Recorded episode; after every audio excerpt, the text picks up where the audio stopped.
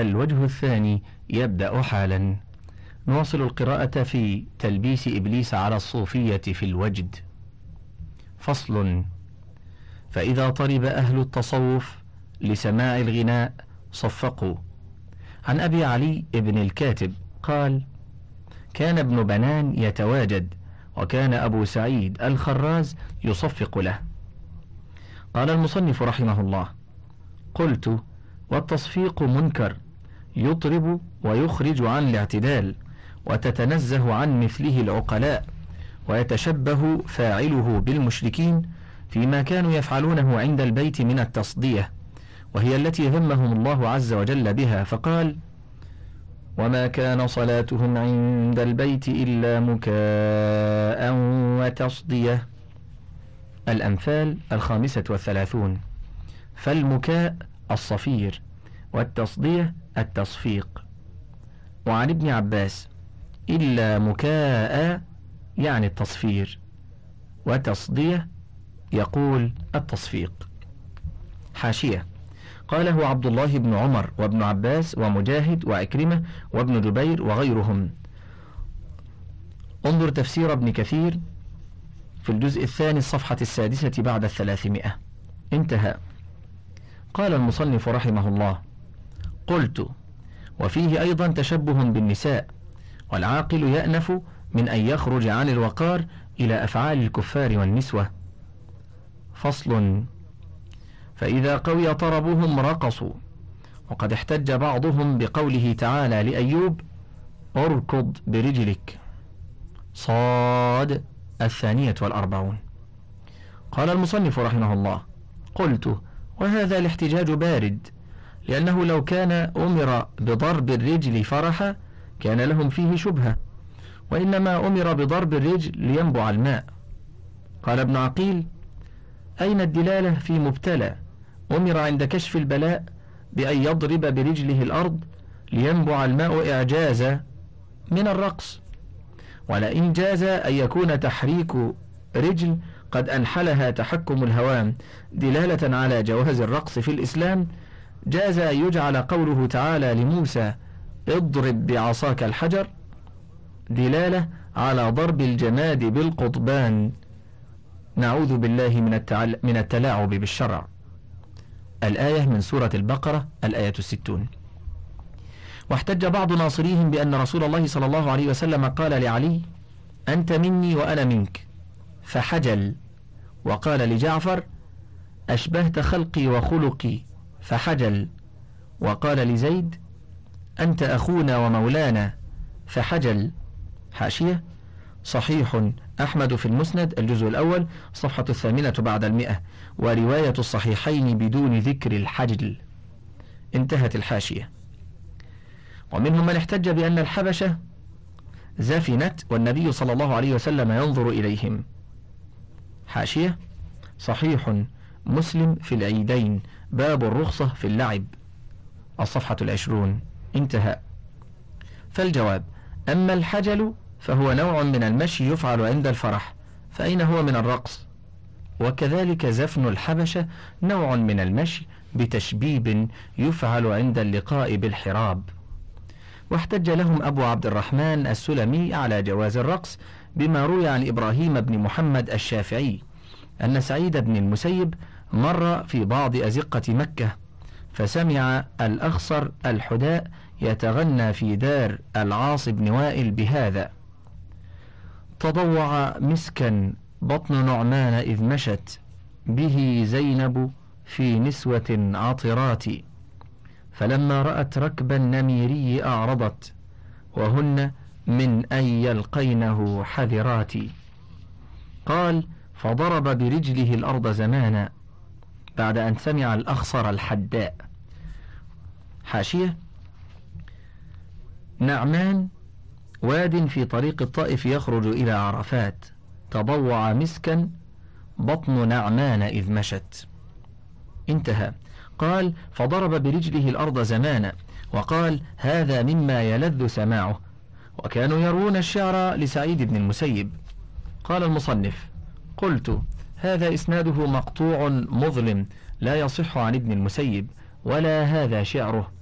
كان ابن المسيب أوقر من هذا. وهذه الأبيات مشهورة لمحمد بن عبد الله بن نمير النميري الشاعر. حاشية. محمد بن عبد الله بن نمير بن خرشة الثقفي النميري شاعر غزل من شعراء العصر الأموي مولده ومنشأه ووفاته نحو سنة تسعين في الطائف. كان كثير التشبيب بزينب أخت الحجاج وأرق شعره ما قاله فيها ومنه قصيدته التي مطلعها تضوع مسكا بطن نعمان إذ مشت به زينب في نسوة عطرات وتهدده الحجاج فلم يأبه له النميري. فلما بلغ الحجاج من الشأن ما بلغ طلب النميري ففر إلى اليمن وأقام بعدن مدة. ثم قصد عبد الملك بن مروان مستجيرا به فأجاره وعفى عنه الحجاج. وقد جمع شعره في ديوان صغير. الأعلام الجزء السادس والصفحة العشرون بعد مئتين انتهت الحاشية. وهذه الأبيات مشهورة لمحمد بن عبد الله بن نمير النميري الشاعر ولم يكن نمريا وإنما نسب إلى اسم جده, جده وهو ثقفي. وزينب التي كان يشبب بها هي بنت يوسف أخت الحجاج. وسأله عبد الملك ابن مروان عن الركب ما كان فقال كان أحمرة أي جافة حملت عليها قطرانا من الطائف فضحك وأمر الحجاج ألا يؤذيه. حاشية عجاف جمع لأعجف وعجفاء على غير قياس والمعنى الهزيلة. انتهت الحاشية. قال المصنف رحمه الله ثم لو قدرنا أن ابن المسيب ضرب برجله الأرض فليس في ذلك حجة على جواز الرقص. فإن الإنسان قد يضرب الأرض برجله أو يدقها بيده لشيء يسمعه ولا يسمى ذلك رقصا. فما أقبح هذا التعلق؟ وأين ضرب الأرض بالقدم مرة أو مرتين من رقصهم الذي يخرجون به عن سمت العقلاء؟ ثم دعونا من الاحتجاج. تعالوا نتقاضى إلى العقول. أي معنى في الرقص إلا اللعب الذي يليق بالأطفال؟ وما الذي فيه من تحريك القلوب إلى الآخرة؟ هذه والله مكابرة باردة. ولقد حدثني بعض المشايخ عن الغزالي أنه قال الرقص حماقة بين الكتفين لا تزول إلا بالتعب. وقال أبو الوفاء ابن عقيل قد نص القرآن على النهي عن الرقص فقال عز وجل ولا تمشي في الأرض مرحا. الإسراء السابعة والثلاثون. وذم المختال فقال تعالى إن الله لا يحب كل مختال فخور. لقمان الثامنة عشرة. والرقص أشد المرح والبطر. أولسنا الذين قسنا النبيذ على الخمر لاتفاقهما في الإطراب والسكر. فما بالنا لا نقيس القضيب وتلحين الشعر معه على الطنبور والمزمار والطبل لاجتماعهما في الإطراب. وهل شيء يزري بالعقل والوقار ويخرج عن سمت الحلم والأدب أقبح من ذي لحية يرقص؟ فكيف إذا كانت شيبة ترقص وتصفق على وقاع الألحان والقضبان؟ خصوصا إذا كانت أصوات نساء ومردان. وهل يحسن بمن بين يديه الموت والسؤال والحشر والصراط؟ ثم هو إلى إحدى الدارين صائر أن يشمس بالرقص شمس البهائم ويصفق تصفيق النسوة. والله لقد رأيت مشايخ في عصري ما بان لهم سن في تبسم فضلا عن ضحك مع إدمان مخالطتي لهم كالشيخ أبي القاسم ابن زيدان وعبد الملك بن بشران وأبي طاهر بن العلاف والجنيد والدينوري. حاشية شمست الدابة جمحت ونفرت. وشمس فلان تأبى واستعصى. انتهت الحاشية. فصل. فإذا تمكن الطرب من الصوفية في حال رقصهم جذب أحدهم بعض الجلوس ليقوم معه. ولا يجوز على مذهبهم للمجذوب أن يقعد. فإذا قام قام الباقون تبعا له. فإذا كشف أحدهم رأسه كشف الباقون رؤوسهم موافقة له. ولا يخفى على عاقل أن كشف الرأس مستقبح وفيه إسقاط مروءة وترك أدب وإنما يقع في المناسك في المناسك تعبدا لله وذلا له. فصل. فإذا اشتد طربهم رموا ثيابهم على المغني فمنهم من يرمي بها صحاحا ومنهم من يخرقها ثم يرمي بها. وقد احتج لهم بعض الجهال فقال هؤلاء في غيبة فلا يلامون. فإن موسى عليه السلام لما غلب عليه الغم بعبادة قومه العجل رمى الألواح فكسرها ولم يدر ما صنع. والجواب أن نقول من يصحح عن موسى بأنه رماها رمي كاسر والذي ذكر في القرآن إلقاؤها فحسب فمن أين لنا أنها تكسرت؟ ثم لو قيل تكسرت فمن أين لنا أنه قصد كسرها؟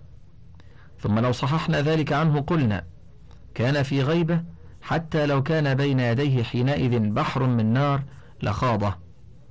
ومن يصحح لهؤلاء غيبتهم؟ وهم يعرفون المغني من غيره ويحذرون من بئر إن كانت عندهم. ثم كيف يقاس أحوال الأنبياء على أحوال هؤلاء السفهاء؟ ولقد رأيت شابا من الصوفية يمشي في الأسواق ويصيح والغلمان يمشون خلفه وهو يبربر ويخرج إلى الجمعة فيصيح صيحات وهو يصلي الجمعة. فسئلت عن صلاته فقلت إن كان وقت صياحه غائبا فقد بطل وضوءه وإن كان حاضرا فهو متصنع. وكان هذا الرجل جلدا لا يعمل شيئا بل يدار له بزنبيل في كل يوم فيجمع له ما يأكل هو وأصحابه. فهذه حالة المتأكلين لا المتوكلين حاشية. الزنبيل يبدو أن هذه الكلمة عامية ليست بالفصيحة ومعناها الوعاء الذي يشبه القفة في اتساعها. انتهت الحاشية. ثم لو قدرنا أن القوم يصيحون عن غيبة فإن تعرضهم لما يغطي على العقول من سماع ما يطرب منهي عنه كالتعرض, كالتعرض لكل ما غالبه الأذى. وقد سئل ابن عقيل عن تواجدهم وتخريق ثيابهم فقال خطأ وحرام. وقد نهى رسول الله صلى الله عليه وسلم عن إضاعة المال وعن شق الجيوب فقال له قائل فإنهم لا يعقلون ما يفعلون. قال إن حضروا هذه الأمكنة مع علمهم أن الطرب يغلب عليهم فيزيل عقولهم آثموا بما يدخل عليهم من التخريق وغيره مما يفسد ولا يسقط عنهم خطاب الشرع لأنهم مخاطبون قبل الحضور بتجنب هذه المواضع التي تفضي إلى ذلك. كما هم منهيون عن شرب المسكر فإذا سكروا وجرى منهم إفساد الأموال لم يسقط الخطاب لسكرهم. كذلك هذا الطرب الذي يسميه أهل التصوف وجدا إن صدقوا فيه فسكر طبع وإن كذبوا فنبيذ ومع الصحو فلا سلامة فيه مع الحالين. وتجنب مواضع الريب واجب. واحتج لهم ابن طاهر في تخريقهم الثياب بحديث عائشة رضي الله عنها قالت نصبت حجلة لي فيها رقم فمدها النبي صلى الله عليه وسلم فشقها. حاشية صحيح البخاري في اللباس. باب ما وطئ من التصاوير في الجزء العاشر الصفحة الأربعمائة. وفي مواضع أخرى. ومسلم في اللباس باب تحريم تصوير صورة الحيوان. وتحريم اتخاذ ما فيه صورة غير ممتهنة بالفرش ونحوه. الصفحات السابعة والثمانون التسعون الحادية والتسعون الثانية والتسعون والخامسة والتسعون. والرقم الوشي والنقش. والحجلة الستر الستر يزين بالثياب والستور للعروس. انتهت الحاشية. قال المصنف رحمه الله فانظر إلى فقه هذا الرجل المسكين كيف يقيس حال من يمزق ثيابه فيفسدها. وقد نهى رسول الله صلى الله عليه وسلم عن إضاعة المال على مد ستر ليحط فانشق لا عن قصد أو كان عن قصد لأجل الصور التي كانت فيه. وهذا من التشديد في حق الشارع عن المنهيات كما أمر بكسر الدنان في الخمور. فإن ادعى مخرق ثيابه أنه غائب قلنا الشيطان غيبك لأنك لو كنت مع الحق لحفظك فإن الحق لا يفسد. وعن أبي عمران الجوني قال وعظ موسى بن عمران عليه السلام يوما فشق رجل منهم قميصه. فأوحى الله عز وجل لموسى قل لصاحب القميص لا يشق قميصه أيشرح لي عن قلبه؟ حاشية انظر الحلية لأبي نعيم في الجزء السادس صفحة التسعين بعد المئتين. انتهى. فصل. وقد تكلم مشايخ الصوفية في الخرق المرمية. فقال محمد بن طاهر الدليل على أن الخرقة إذا طرحت صارت ملكا لمن طرحت بسببه؟ حديث جرير. جاء قوم مجتاب النمار فحض رسول الله صلى الله عليه وسلم على الصدقة. فجاء رجل من الأنصار بصرة فتتابع الناس حتى رأيت كومين من ثياب وطعام. حاشية. صحيح. مسلم في الزكاة. باب الحث على الصدقة. الرقم التاسعة والستون والسبعون. ومجتاب النمار نصب على الحالية. أي لابسيها خارقين أوساطها مقورين. والنمار جمع نمرة. وهي ثياب صوف فيها تنمير. انتهت الحاشية. قال والدليل على أن الجماعة إذا قدموا عند تفريق الخرقة أسهم أسهم لهم حديث أبي موسى قدم على رسول الله صلى الله عليه وسلم بغنيمة وسلب فأسهم لنا. حاشية. صحيح البخاري في فرض الخمس. باب ومن الدليل على أن الخمس لنوائب المسلمين. الجزء السادس الصفحة الثالثة والسبعون والمئتان وفي مواضع أخرى ومسلم في فضائل الصحابة. باب من فضائل جعفر ابن أبي طالب وأسماء بنت عميس وأهل سفينتهم برقم تسعة وستين ومئة وانتهت الحاشية. قال المصنف رحمه الله لقد تلاعب هذا الرجل بالشريعة واستخرج بسوء فهمه ما يظنه يوافق مذاهب المتأخرين من الصوفية فإن ما عرفنا هذا في أوائلهم. وبيان فساد استخراجه أن هذا الذي خرق الثوب ورمى به إن كان حاضرا فما جاز له تخريقه وإن كان غائبا فليس له تصرف جائز شرعا لا هبة ولا تمليكا. وكذلك يزعمون بأن ثوبه كان كالشيء الذي يقع من الإنسان ولا يدري به فلا يجوز لأحد أن يتملكه. وإن كان رماه في حال حضوره لا على أحد فلا وجه لتملكه. ولو رماه على المغني لم يتملكه لأن التملك لا يكون إلا بعقد شرعي. والرمي ليس بعقد. ثم نقدر أنه ملك للمغني فما وجه تصرف الباقين فيه؟ ثم إذا تصرفوا فيه خرقوه خرقا وذلك لا يجوز لوجهين. أحدهما أنه تصرف فيما لا يملكونه والثاني أنه إضاعة للمال.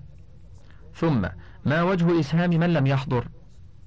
فأما حديث أبي موسى فقال العلماء منهم الخطابي يحتمل أن يكون رسول الله صلى الله عليه وسلم أجازه عن رضا ممن شهد الوقعة أو من الخمس الذي هو حقه.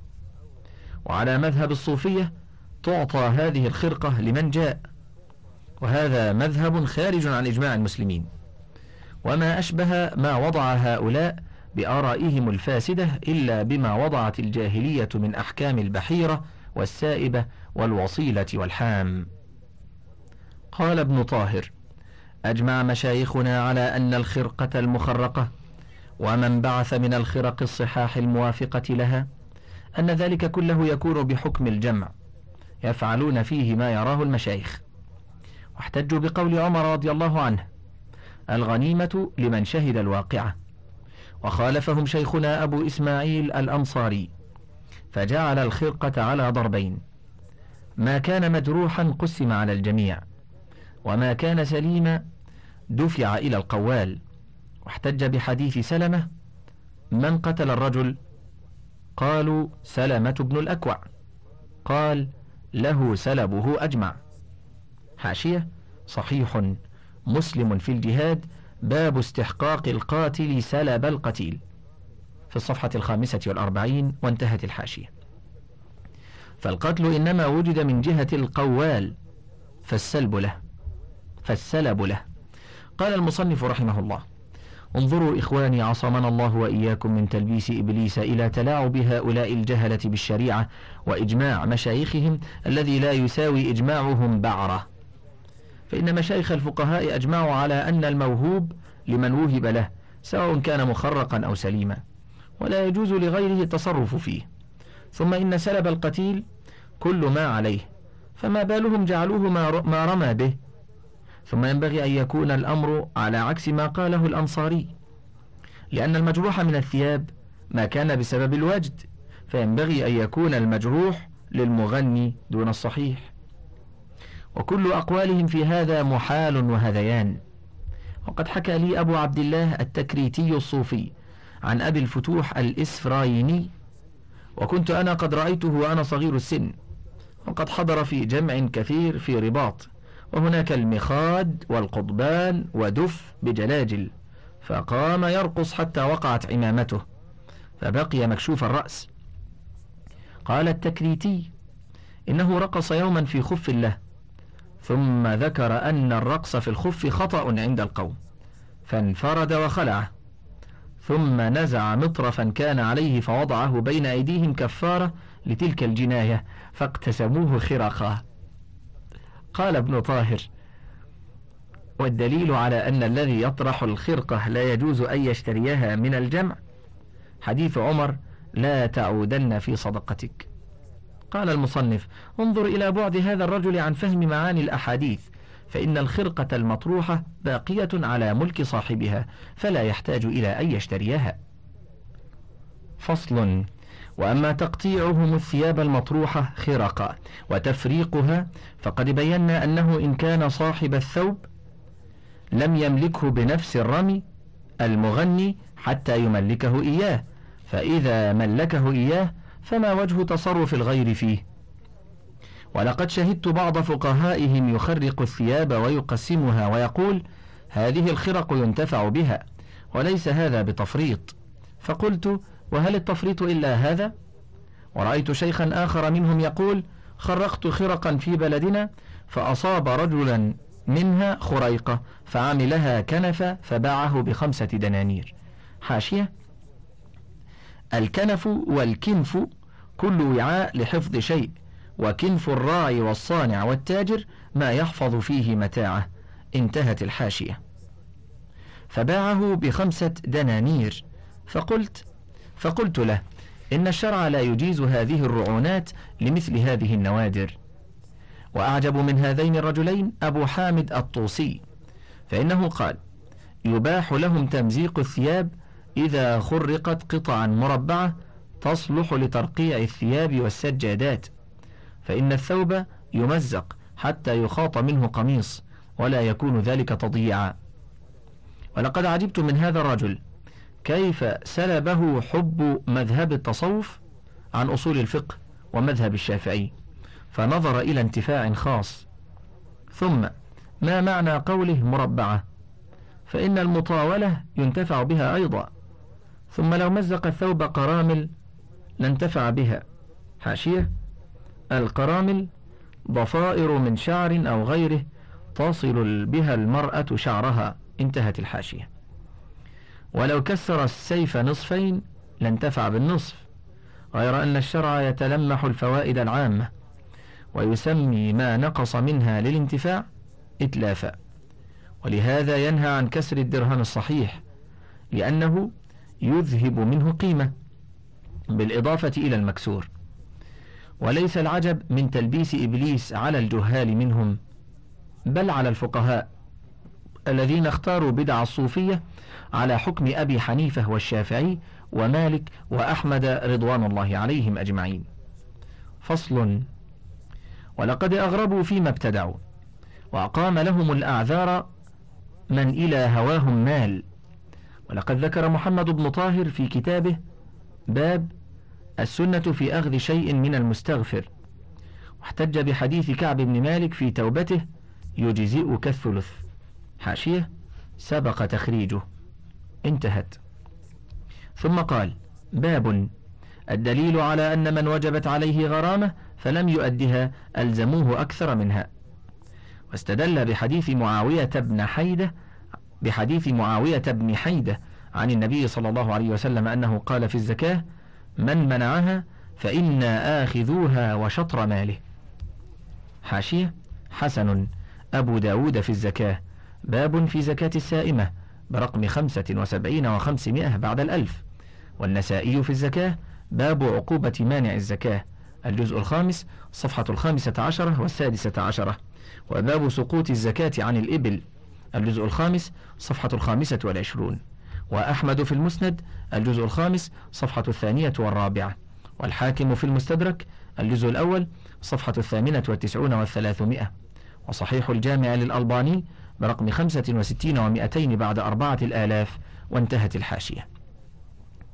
قال المصنف رحمه الله قلت فانظر إلى تلاعب هؤلاء وجهل هذا المحتج لهم وتسمية ما يلزم بعضهم بما لا يلزم غرامة وتسمية ذلك واجبا.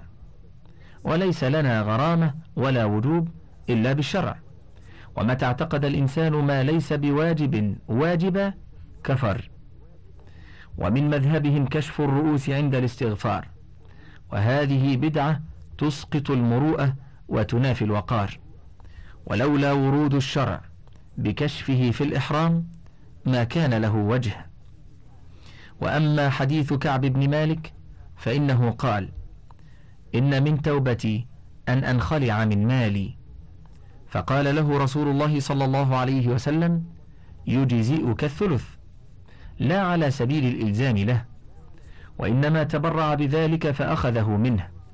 وأين إلزام الشرع تارك الزكاة مما يزيد عليها عقوبة من إلزامهم المريد غرامة لا تجب عليه فإذا امتنع ضاعفوها وليس إليهم الإلزام وإنما ينفرد بالإلزام الشرع وحده.